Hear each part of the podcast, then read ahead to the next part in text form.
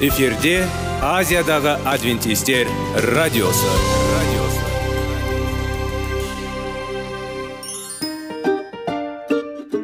Сәлем достар. Денсаулық өмір бұлағы және біздің бірінші байлығымыз демекші денсаулық сағаты рубрикасына қош келдіңіздер. Бір кісінің ауырғанын айтқысы келмесе де ол онсыз да көрініп түсінікті болады. Өйткені ауырғанда жанымыз қиналғаны кейде соншалық сол үшін дәрі алуға қарағанда мұның бәрін алдын ала алу жақсы емес пе? Біздің рубрикада біз әртүрлі факторларменен мәліметтерменен кеңестерменен бөлісіп шын жүректен сіздердің дендеріңіз сау болғанын қалаймыз. Сол үшін біздің рубрикаға қош келдіңіздер. Дайындалып тұрыңыздар. Өйткені келесі минуттарда қызықты фактілерге ие боласыздар. Енді достар ең бірінші байлығымызды қолымызға алып алға кеттік. Бізбенен болыңыздар.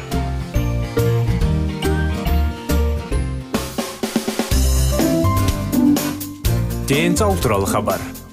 Денсаулықтың ашылуы күн сайын сөз үшін күшті кеңестер соңғы жаңалықтар қызықты факторлар біздің рубрикада.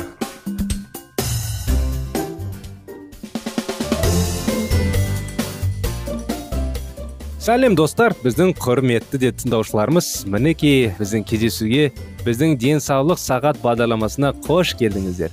Әрине бүгін арамызда жаңадан біздің тыңдаушыларымыз болса бізге қосылып жатқан біздің бағдарламаны бірінші рет естіп жатқан тыңдаушылар болса сіздерге де мінекей сәлем жолдаймыз.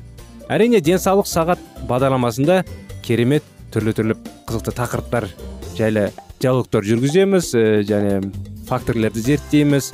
Не дейміз тағы? Қалай енді кеңестер аламыз. Сондықтан қазір біздің өтіп жатқан тақырыптарымыз қалай енді? Әдет әдет жайлы әдеттер жайлы керемет әдеттер жайлы. Сондықтан бүгінгі біздің өтетін тақырыбымыз алғыс айту әдеті. Алғыс айту да алғыс айту да ол әдет деген. Оның неге маңызды екенін қазір бірге талдап өтсек. Доктор мурали дарайсвайми дейді ғой. Ми денсаулығы және ақыл ой мәселелері жөніндегі сарапшы. Егер алғыс дәрі болса ол ағзаның әрбір негізгі жүйесінің денсаулығын нығайтатын әлемдегі ең сатылатын тауарға айналады деді деп атап өтті. Неліктен? Сондықтан бүгін біздің кеңесіміз алғыс айту әдетін дамытаңыз бізге неге алғыс айту керек екен? Неге ол маңызды? Алғыс жалпы ауруыңызды ауырсынуды азайту қабынуды және қандағы қант деңгейін азайту арқылы физикалық денсаулықтың жақсартуға көмектеседі екен. Алғыс иммундық ә, функцияны қан қысымын мен жүрек денсаулығын жақсартады. Алғыс күйзеліс пен эмоционалдық ұйымдауды уайымдауды жоқ иә уайымдауды төмендету арқылы бақыт ә, сезімін күшейте алады. Бізге эмоциялық ә, төзімділікті арттыру үшін алғыс айту керек. Бұл да күйзеліс пен алданушылықпен күресуге көмектеседі. Егер біз жиі алғыс айтсақ онда біздің арамыз арманымыз да жақсарады. Ал бұл өз кезегінде физикалық және психикалық денсаулыққа пайдалы әсер етеді. Бір рахмет кезде не болады? Біз алғыс сезгенде біздің психикалық денсаулығымыз жақсарады. Өйткені алғыс сезімі ә, серотині допамин норадреналин және окситоцин сияқты химикалық заттарды босатуға бастамшылық етеді. Сонымен қатар кортизол стресс гормонының бөлінуін басады. Сонымен қатар риза адамдар жақсы қамқорлық керек. Бұл дұрыс тамақтану және тұрақты медициналық тексеру сияқты салатты әдемдерді тұрады. Бұл қисынды естіледі. Өйткені егер сізде бір нәрсе үшін алғыс айтсаңыз онда сіз бәр нәрсеге назар аударасыз. Мысалы денсаулыққа егер адам сау істері бар болса онда ол істің ағымдағы жағдайы бірдей болу үшін барлық мүмкіндіктерге жасайды. Егер біз алғыс айтылмаса не болады? Нашар адам қиын өмір сүреді өйткені ол әрдайым риза емес. Оған қанша жақсылық жасаса да нәзіктікті сезіну қалады және оны ішінен көтеруді жалғастырады. Адамның бақытсыздығы адамды бақытсыз етеді оның дамуын тәжейді. Өмірдің қуанышын жояды оның бар екенін барлық жақсы көреді. Ол жай ғана оның жақсы сезінбейді яғни бағаламайды. Сондықтан не істеу керек? Қазір сіз жиі алғыс сезінесіз де енді тәжірибеде практикада оны өсіруге және нығайтуға көмектесетінін біліңіз. Ағыс білдіріңіз. Білдірудің он күшін бекітудің бір жолы күнделікті ағыс білдіретініңізді жазып алатын күнделікті жүргізу. Байлан қалай енді? Байланысыңыз табиғатпен. Саябаққа серуендеп және күн мен гүлденген ағаштармен рахаттану сізді өмір сыйлайтын нәрсенің барлығын бағалауға үйретеді. Сіз табиғатта көп уақыт өткізесіз. Соғұрлым тезірек адам болуға үйренесіз. Ең қарапайым заттар үшін қоршаған адамдарға жиі алғыс айтыңыз. Бейтаныс адамдарға рахмет айтыңыз. Рахмет. Сөзін айта отырып сіз сыпайылық танытып қана қоймай сондай ақ алғыс адам болуға тағы бір маңызды адам жасайсыз қадам жасайсыз. Сіз сүйгендерге сүйетіндерге алғыс айтыңыз. Бейтаныс адамдарға алғыс айтудан гөрі рахмет айту оңай. Бірақ егер сіз риза адам болғаныңыз келсе достарыңыз бен жақындарыңызға осы ә, жылдар бойы әрқашан сізбен бірге болған үшін алғыс білдіруді ұмытпаңыз керек. Бүгін біз сіздермен бірге денсаулық көңіл күй қарым қатынас және тағы басқа жағымды әсер ететінін анықтадық. Өйткені расында кейбір адамдар бір біріне өкпелі болады. Дұрыс қой.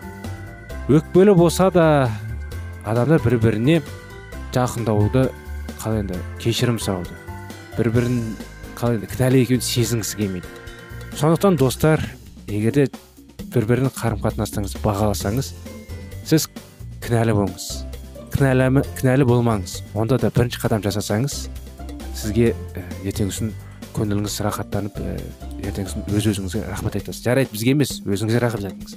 Неліктен бірінші қадам жасап бір біріңізге қанды ошаққа навстречу барсаңыз өте керемет жағдай. Неліктен қалай айтқанда бір біріңізге бір біріңізге қол созып жарайды мен кінәлімін деп мойындап бұл жағдайда осындай осындай жағдай болды. Екеуміз бірге шешейік ойланайық. Сен мені кешір деп. Саған рахмет маған осындай осындай нәрсеге көз жеткіздің деп. Әрине біреу сізге жақсылық жасаса әрине бір үйде сіздің жаныңызда болған адам сүйетін адамыңыз ата анаңыз болса балаңыз болсын. Оған жай ғана рахмет сен менде болғаныңа деп күліп ойнап осы сөз айтсаңыз әрине қалай айтқанда өте керемет сезімге келесіз. Және де өзіңізге де сіздің үйдегілеріңізге жақындарыңызға осындай сезім керемет сезім әкелесіз. Сондықтан құдайға жақындарыңызға достарыңызға алғыс айтыңыз. Және бұл сіздің әдетіңіз болсын. Әрине иә құдайға да маңызды әрдайым алғыс шүкірлік айтқан рахмет айтқан өйткені ол біздің жаратушымыз. Әрдайым бізге күнделікті көзіміз ашып жүруге мүмкіншілік береді. Сондықтан достар біздің бағдарламамыз аяғына келді. Жалғасы енді келесі жолы болады. Келесі жолға дейін сау саламатта болыңыздар достар. Рахмет сіздерге.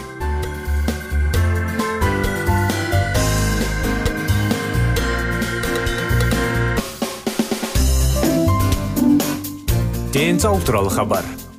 Денсаулықтың ашылуы күн сайын сөз үшін күшті кеңестер соңғы жаңалықтар қызықты факторлар біздің рубрикада.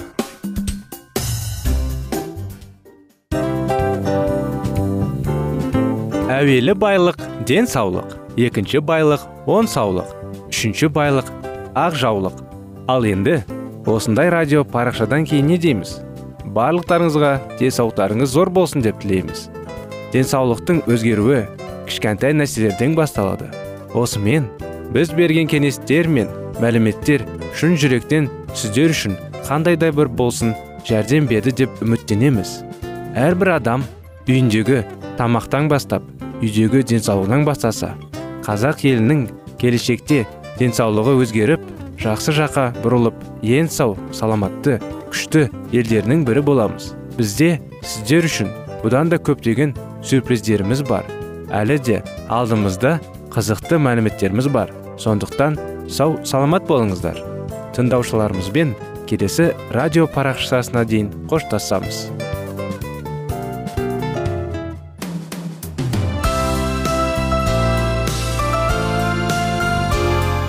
Эфирде азиядағы адвентистер радиосы.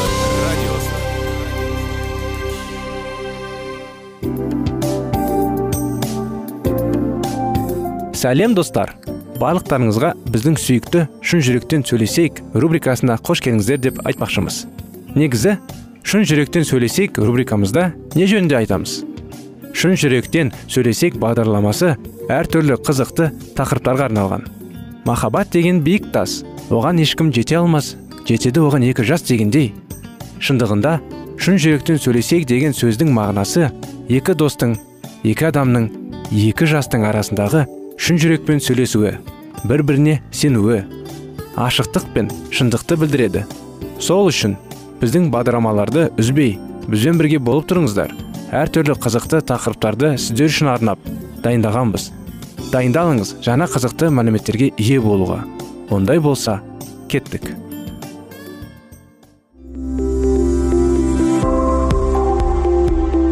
Алтын сөздер. Сырласу. Қарым қатынас жайлы кеңестер мен қызықты тақырыптар. Шын жүректен сөйлесейік рубрикасында.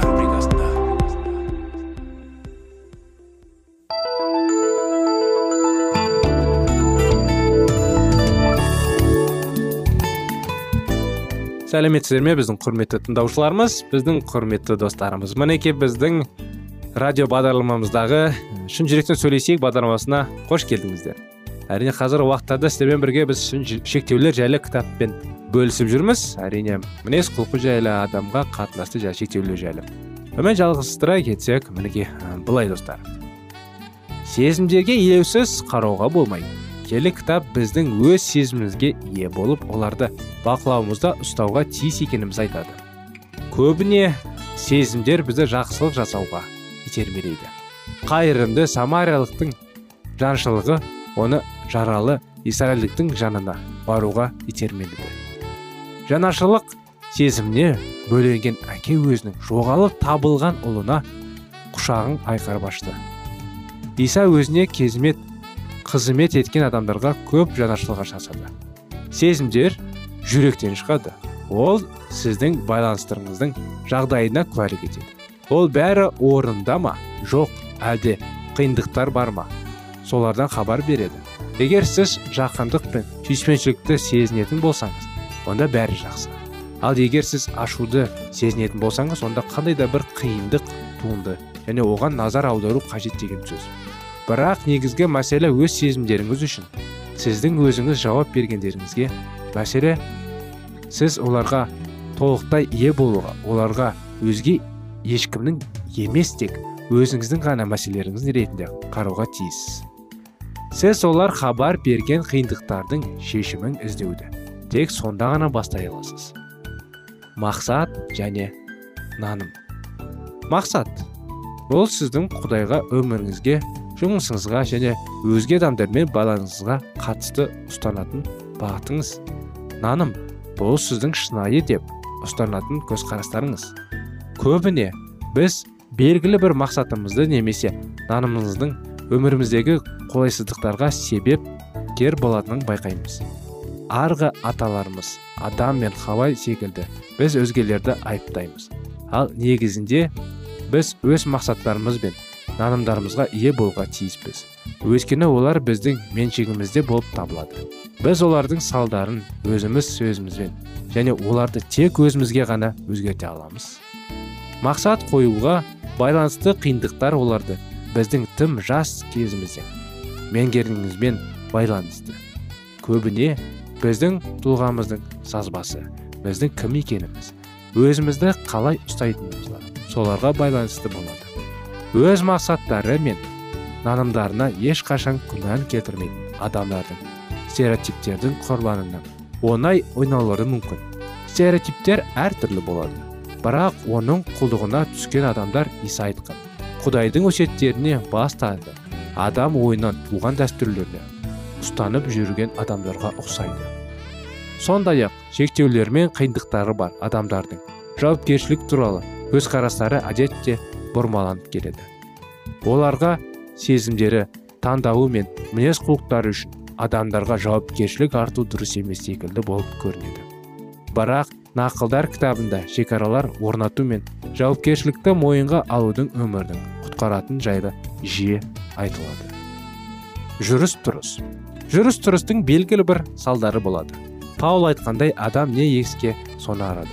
Егер біз сабаққа ынтымен дайындалсақ онда жақсы бағалар аламыз. Егер жұмыс істесек еңбекке еңбек ақы аламыз. Егер спортпен шұғылдансақ онда денсаулығымыз жақсы болады. Егер өзге адамдарға сүйіспеншілік көрсетсек болсақ онда олармен қарым қатынасымыз жақындай түседі. Ал керісінше егер біз қызық қушылық жауапсыздық бейберекет іс әрекеттерді себептің болсақ онда кедейлікке сәтсіздік пен құр босқа өткен өмірдің өзге де сыйларын орғанымызға таңдауымызға болмайды. Мұның бәрі біздің жұмыс тұрымымыздың табиғи салдары. Мәселе осының әрекетіне біреу келіп араласқан кезде басталады. Арақ құмарлық немесе нашақорлықтың ішкіш пен нашақор үшін салдары міндетті түрде болады. Жолдан бескен ауыр жаза таратар. Адамдарды өз әрекеттерінің табиғи салдарынан азат ету бұл олардың қорғансыз ету деген аз бұл ата ана мен балалардың қарым қатынастарында жиі орын алады. Балаларының өз жүріс тұрыстарының табиғи салдарын көрулеріне мүмкіндік берудің орнына ата аналар көбіне ұрыс көріспеш шектеледі. Жылылық ойғы сайынды шектеулермен қатар жүрген шақта ғана балалар өз өздеріне сенімді өз өмірлеріне өздері басқалар алатын адамдар болып сезеді. Таңдау. Біз өз таңдауымыз үшін жауап беруіміз тиіспіз. Тек сонда ғана біз ұстамдылықты жемісін көре аламыз. Бірақ көп жағдайда біз өз таңдауымыз үшін жауапты болудан бас тартып бұл жауапкершілікті басқа біреудің мойнына артамыз. Өз әрекеттеріміздің себебін түсіндіру үшін көбінесе біз осылай істеуге тура келеді. Немесе соның кесірінен деген сөздерді жиі айтамыз. Бұл сөздер біздің болмас іспен айналысып жүргенімізді ашып береді. Өз әрекеттерімізді көбінде біз белесінді күштің қызметін атқармаймыз. Біз бәрін өзге беру басқарады деп есептейміз. Және сол арқылы өзімізде негізгі жауапкершілік өз әрекеттеріміз үшін жауапкершілікті алып тастаймыз. Мінекей құрметті тыңдаушыларымыз әрдайым біздің алдымызда таңдау бар ғой. Сондықтан таңдауыңыз сізде. Шын жүректен сөйлесейік бағдарламасы мінекей аяғына да келді. Әрдайым жанұямызда бір бірімізді түсініспеушілікпен қарайық. Әрдайым балаларымызды дұрыс бағалайық. Құдайды бірінші орынға қояйық құдайға әрдайым өз мұқтаждарымызды ашайық. Сондықтан мінекей кітаптың жалғасы келесі жолы болады. Бізбен болғандарыңызға рахмет достар. Сау сәлеметті болыңыздар.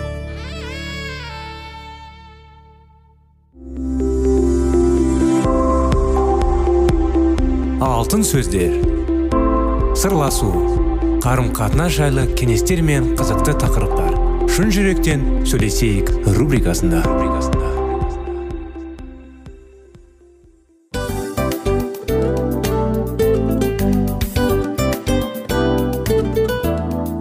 Құрметті достар барлық ең соңғы кеңестер аяқталған соң біздің программамыз соңына келіп қалды. Осы біздің мәліметтер осы рубрикада айтылған әрбір сөздер сіздерге өзінің қандай да бір пайдасын алып келді деп шын жүректен сенеміз. Және бұдан да көптеген рубрикаларымыз бар. Басқа рубрикаларымызда біздің зерттеулерімізде сіздер үшін тағы да қызықты мәліметтер дайын. Біздің шын жүректен сөйлесейік парақшамызда көптеген әдістер ең соңғы кеңестер адамның нравственность жақтан моральдық жақтан тазалап байыта тұрған соңғы кеңестердің барлығын жанарады. сондықтан алдыңғы күндерде бізбен бірге болыңыздар. Өйткені барлық қызықтар алдыда. Бізбенен бірге болғандарыңызға үлкен рахмет. Келесі кездескенімізше сау сәлемет болыңыздар.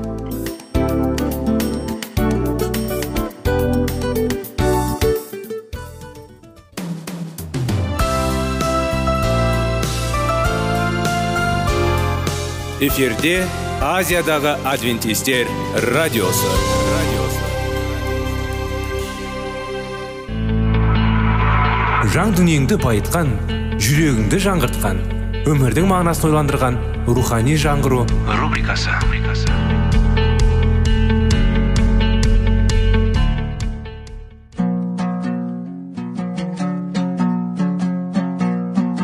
Ассалаумағалейкум біздің тыңдаушыларымыз. Келі кітаптың шындығын ашып берген қысқа бағдарламасына қош келдіңіздер.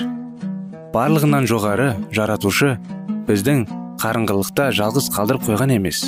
Өйткені ол келешекте не болу керек екенін киелі кітаптың парақтарында ашып береді. Немесе келіңіздер бізге қосылыңыздар. Жаратушы бізге нен ашып бергенін зерттейміз. Сәлеметсіздер ме? Ассалаумағалейкум біздің құрметті рухани жаңғыру бағдарламасын тыңдап жүрген құрметті достар. Біздің бағдарламамызға қош келдіңіздер. Бағдарламамызды жалғастыра кетсек үміт аяның тақырыптарын жалғастырудамыз. Өткен жылы жаңағы ол сыйлықпен алынған игіліктер туралы жаңа өсиеттің тамаша ілімі. Иса біздің құтқарушымыз және өтелуші деген айтқан едік. Бізді құдайға табынуға шақырады. Ал киелі былай дейді. Қорытындарға арналған хаттың жиырмасының төртінің бесінде. Аспанның үстінде жер астында және суда жерде төмен қандай бейнелер жасамасыңыз? Мен оларға қызмет көрсетпесем өйткені мен ием құдай сенің құдай қызғаныш. Иса бізге былай дейді құдайға табыну сіздің суреттерді пайдаланбаңыз дейді. Вавилонда тілдік құдайға құлшылық ету кезінде барлық жерде суреттер қолданылады. Және осы суреттердің көпшілігі ежелгі римнің тіліндегі арқылы масқішілер шіркеуіне кірді. Бұл суреттер бүгін қасиетті деп аталады. Бұл шіркеудің әкелері мен басшылары қасиетті деп аталатын суреттер. Не дейміз тағы құрметті достар? Көп адамдар қазір уақытта үйреніп қалған ғой. Біреуді көріп нәрсе қалай енді. Сезінетін көрінетін нәрселерге табынуға. Баядан да солай. Мысырдан израильға шыққан кезде де олар құдайды біле отырып мұса тауға он он заңды алуға барған кезде олар бұқадан өздеріне қалай енді мүсін жасап оған табына бастады. Адам бір нәрсеге табынға даяр тез даяр. Құдайдың қамқорын қалай енді құдіреттерін көмектерін ұмыта кетеді. Сондықтан ондай нәрсе ешқашан ұмытпауымыз керек. Тек қана құдайға ғана табуымыз керек. Өйткені құдай қызғаныш. Керек кітапта құдай мен адамдар арасында бір ғана қалай енді істер бар екенін айтады. Иса мәсіх біздің иеміз. Ешқандай құтқару жоқ. Миллиондаған мәсіхшілер қалай енді мүсіндерге мен суреттерді ғибадат ететін ретінде оқиды. Бұл шайтанның бірі. Ол адамның ақыл ойын құдай сөзінің ақиқатын бұруға бағытталған. Вавилонның үшінші сипаттамасы бар. Ескі вавилон өлім туралы жалған ілімінің орталығы болады. Бұл жан өлмейтін оқу орталығы болды. Мәсіхшілікке өлі өмір сүруді жалғастыруды туралы идея жат. Адам қайтыс болған кезде оның өлмейтін жаны мәңгілік өмір сүруді жалғастырады. Мәсіхшілікпен ештеңе жоқ. Мұнда киелі кітаптың ең керемет мәтіндерінің бірі езекилдің сегіз он үш төрті.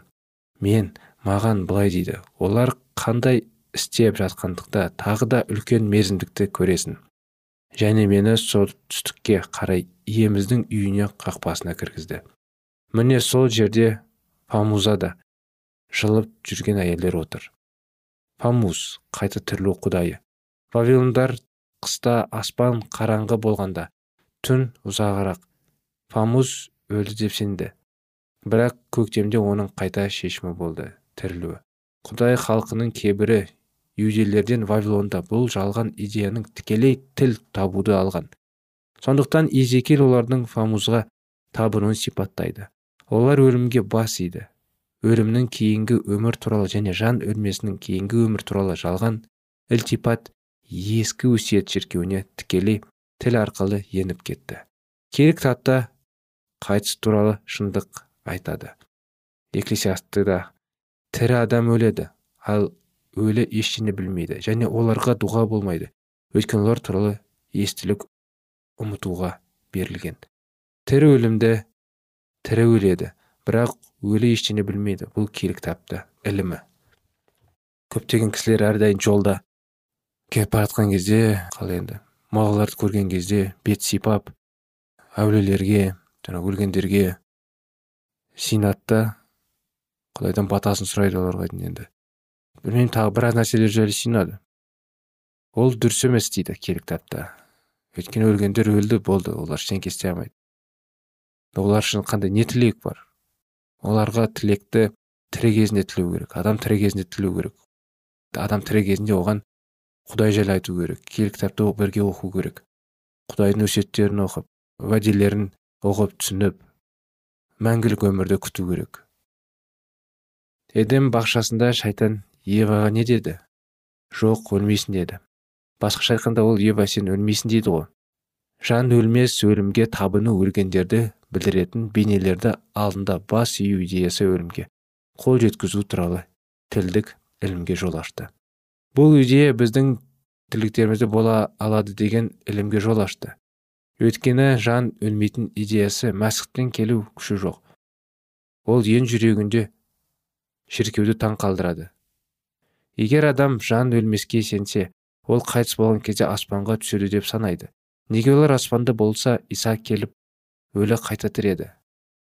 Бұл жолға жалған оқыту екінші келу туралы шындықты бұзады.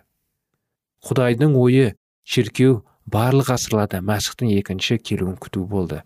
Кел кітапқа сәйкес біздің жақындарымыз екінші келгенге дейін мәсіхке қастандық жасайды. Ол келгенде біз олармен бірге аспандағы құдайға таңданамыз. Сонымен неге рухани өлі шіркеулер соншалықты көп? Неге көптеген шіркеулерге рухани күш жетіспейді? Өйткені олар мәсіхтің екінші келуінің өзектілігін жоғалтты. Олар исаны қайтару ынтық ниетінің жоғалтқандықтан мен киелі кітап шындықты үйреткен үшін құдайға ризамын. Мен киелі кітапта иса қайтадан келі ол жақын арада келеді деп түсінеміз. Біздің жүрегіміз аспанда мәсіхпен кездесу үшін біздің туысқан жақындарымыз қайта тірілгенде күледі. Вавилонда күнге табыну орталығы болды. Күнге табынудың барлық түрлері жолдармен келді. Әрине баяғыларда адамдар мүсіндерге жануарларға күнге айға жұлдыздарға көп нәрсеге табынатын бірақ құдайға табынбайтын. Құдай киелі кітапты ес көшетте он заңның бірінде нақты айтады. Менен басқа ешқандай құдайың болмасын дейді. Мен жалғыз құдай сені жаратқан дейді. Біз тек қана бір құдайға табынуымыз керек. Соны басқаларға да сондайға шақырып ниеттеуіміз керек. Өйткені тірі құдай бір ғана. Сондықтан достар мінекей тірі құдайға сиініп тірі құдайға сенейік. Оның өсиеттерін орындайық жүрегімізді ашайық. Бағдарламамыз аяғына қарай келді өкінішке орай. Жалғасын келесі жолы жалғастырамыз. Келесі жолға сау саламатта болыңыздар.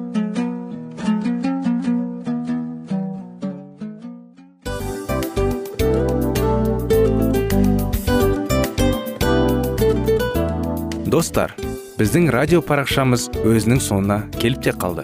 Демек бұл программамыздың қорытындысын айта кету керек.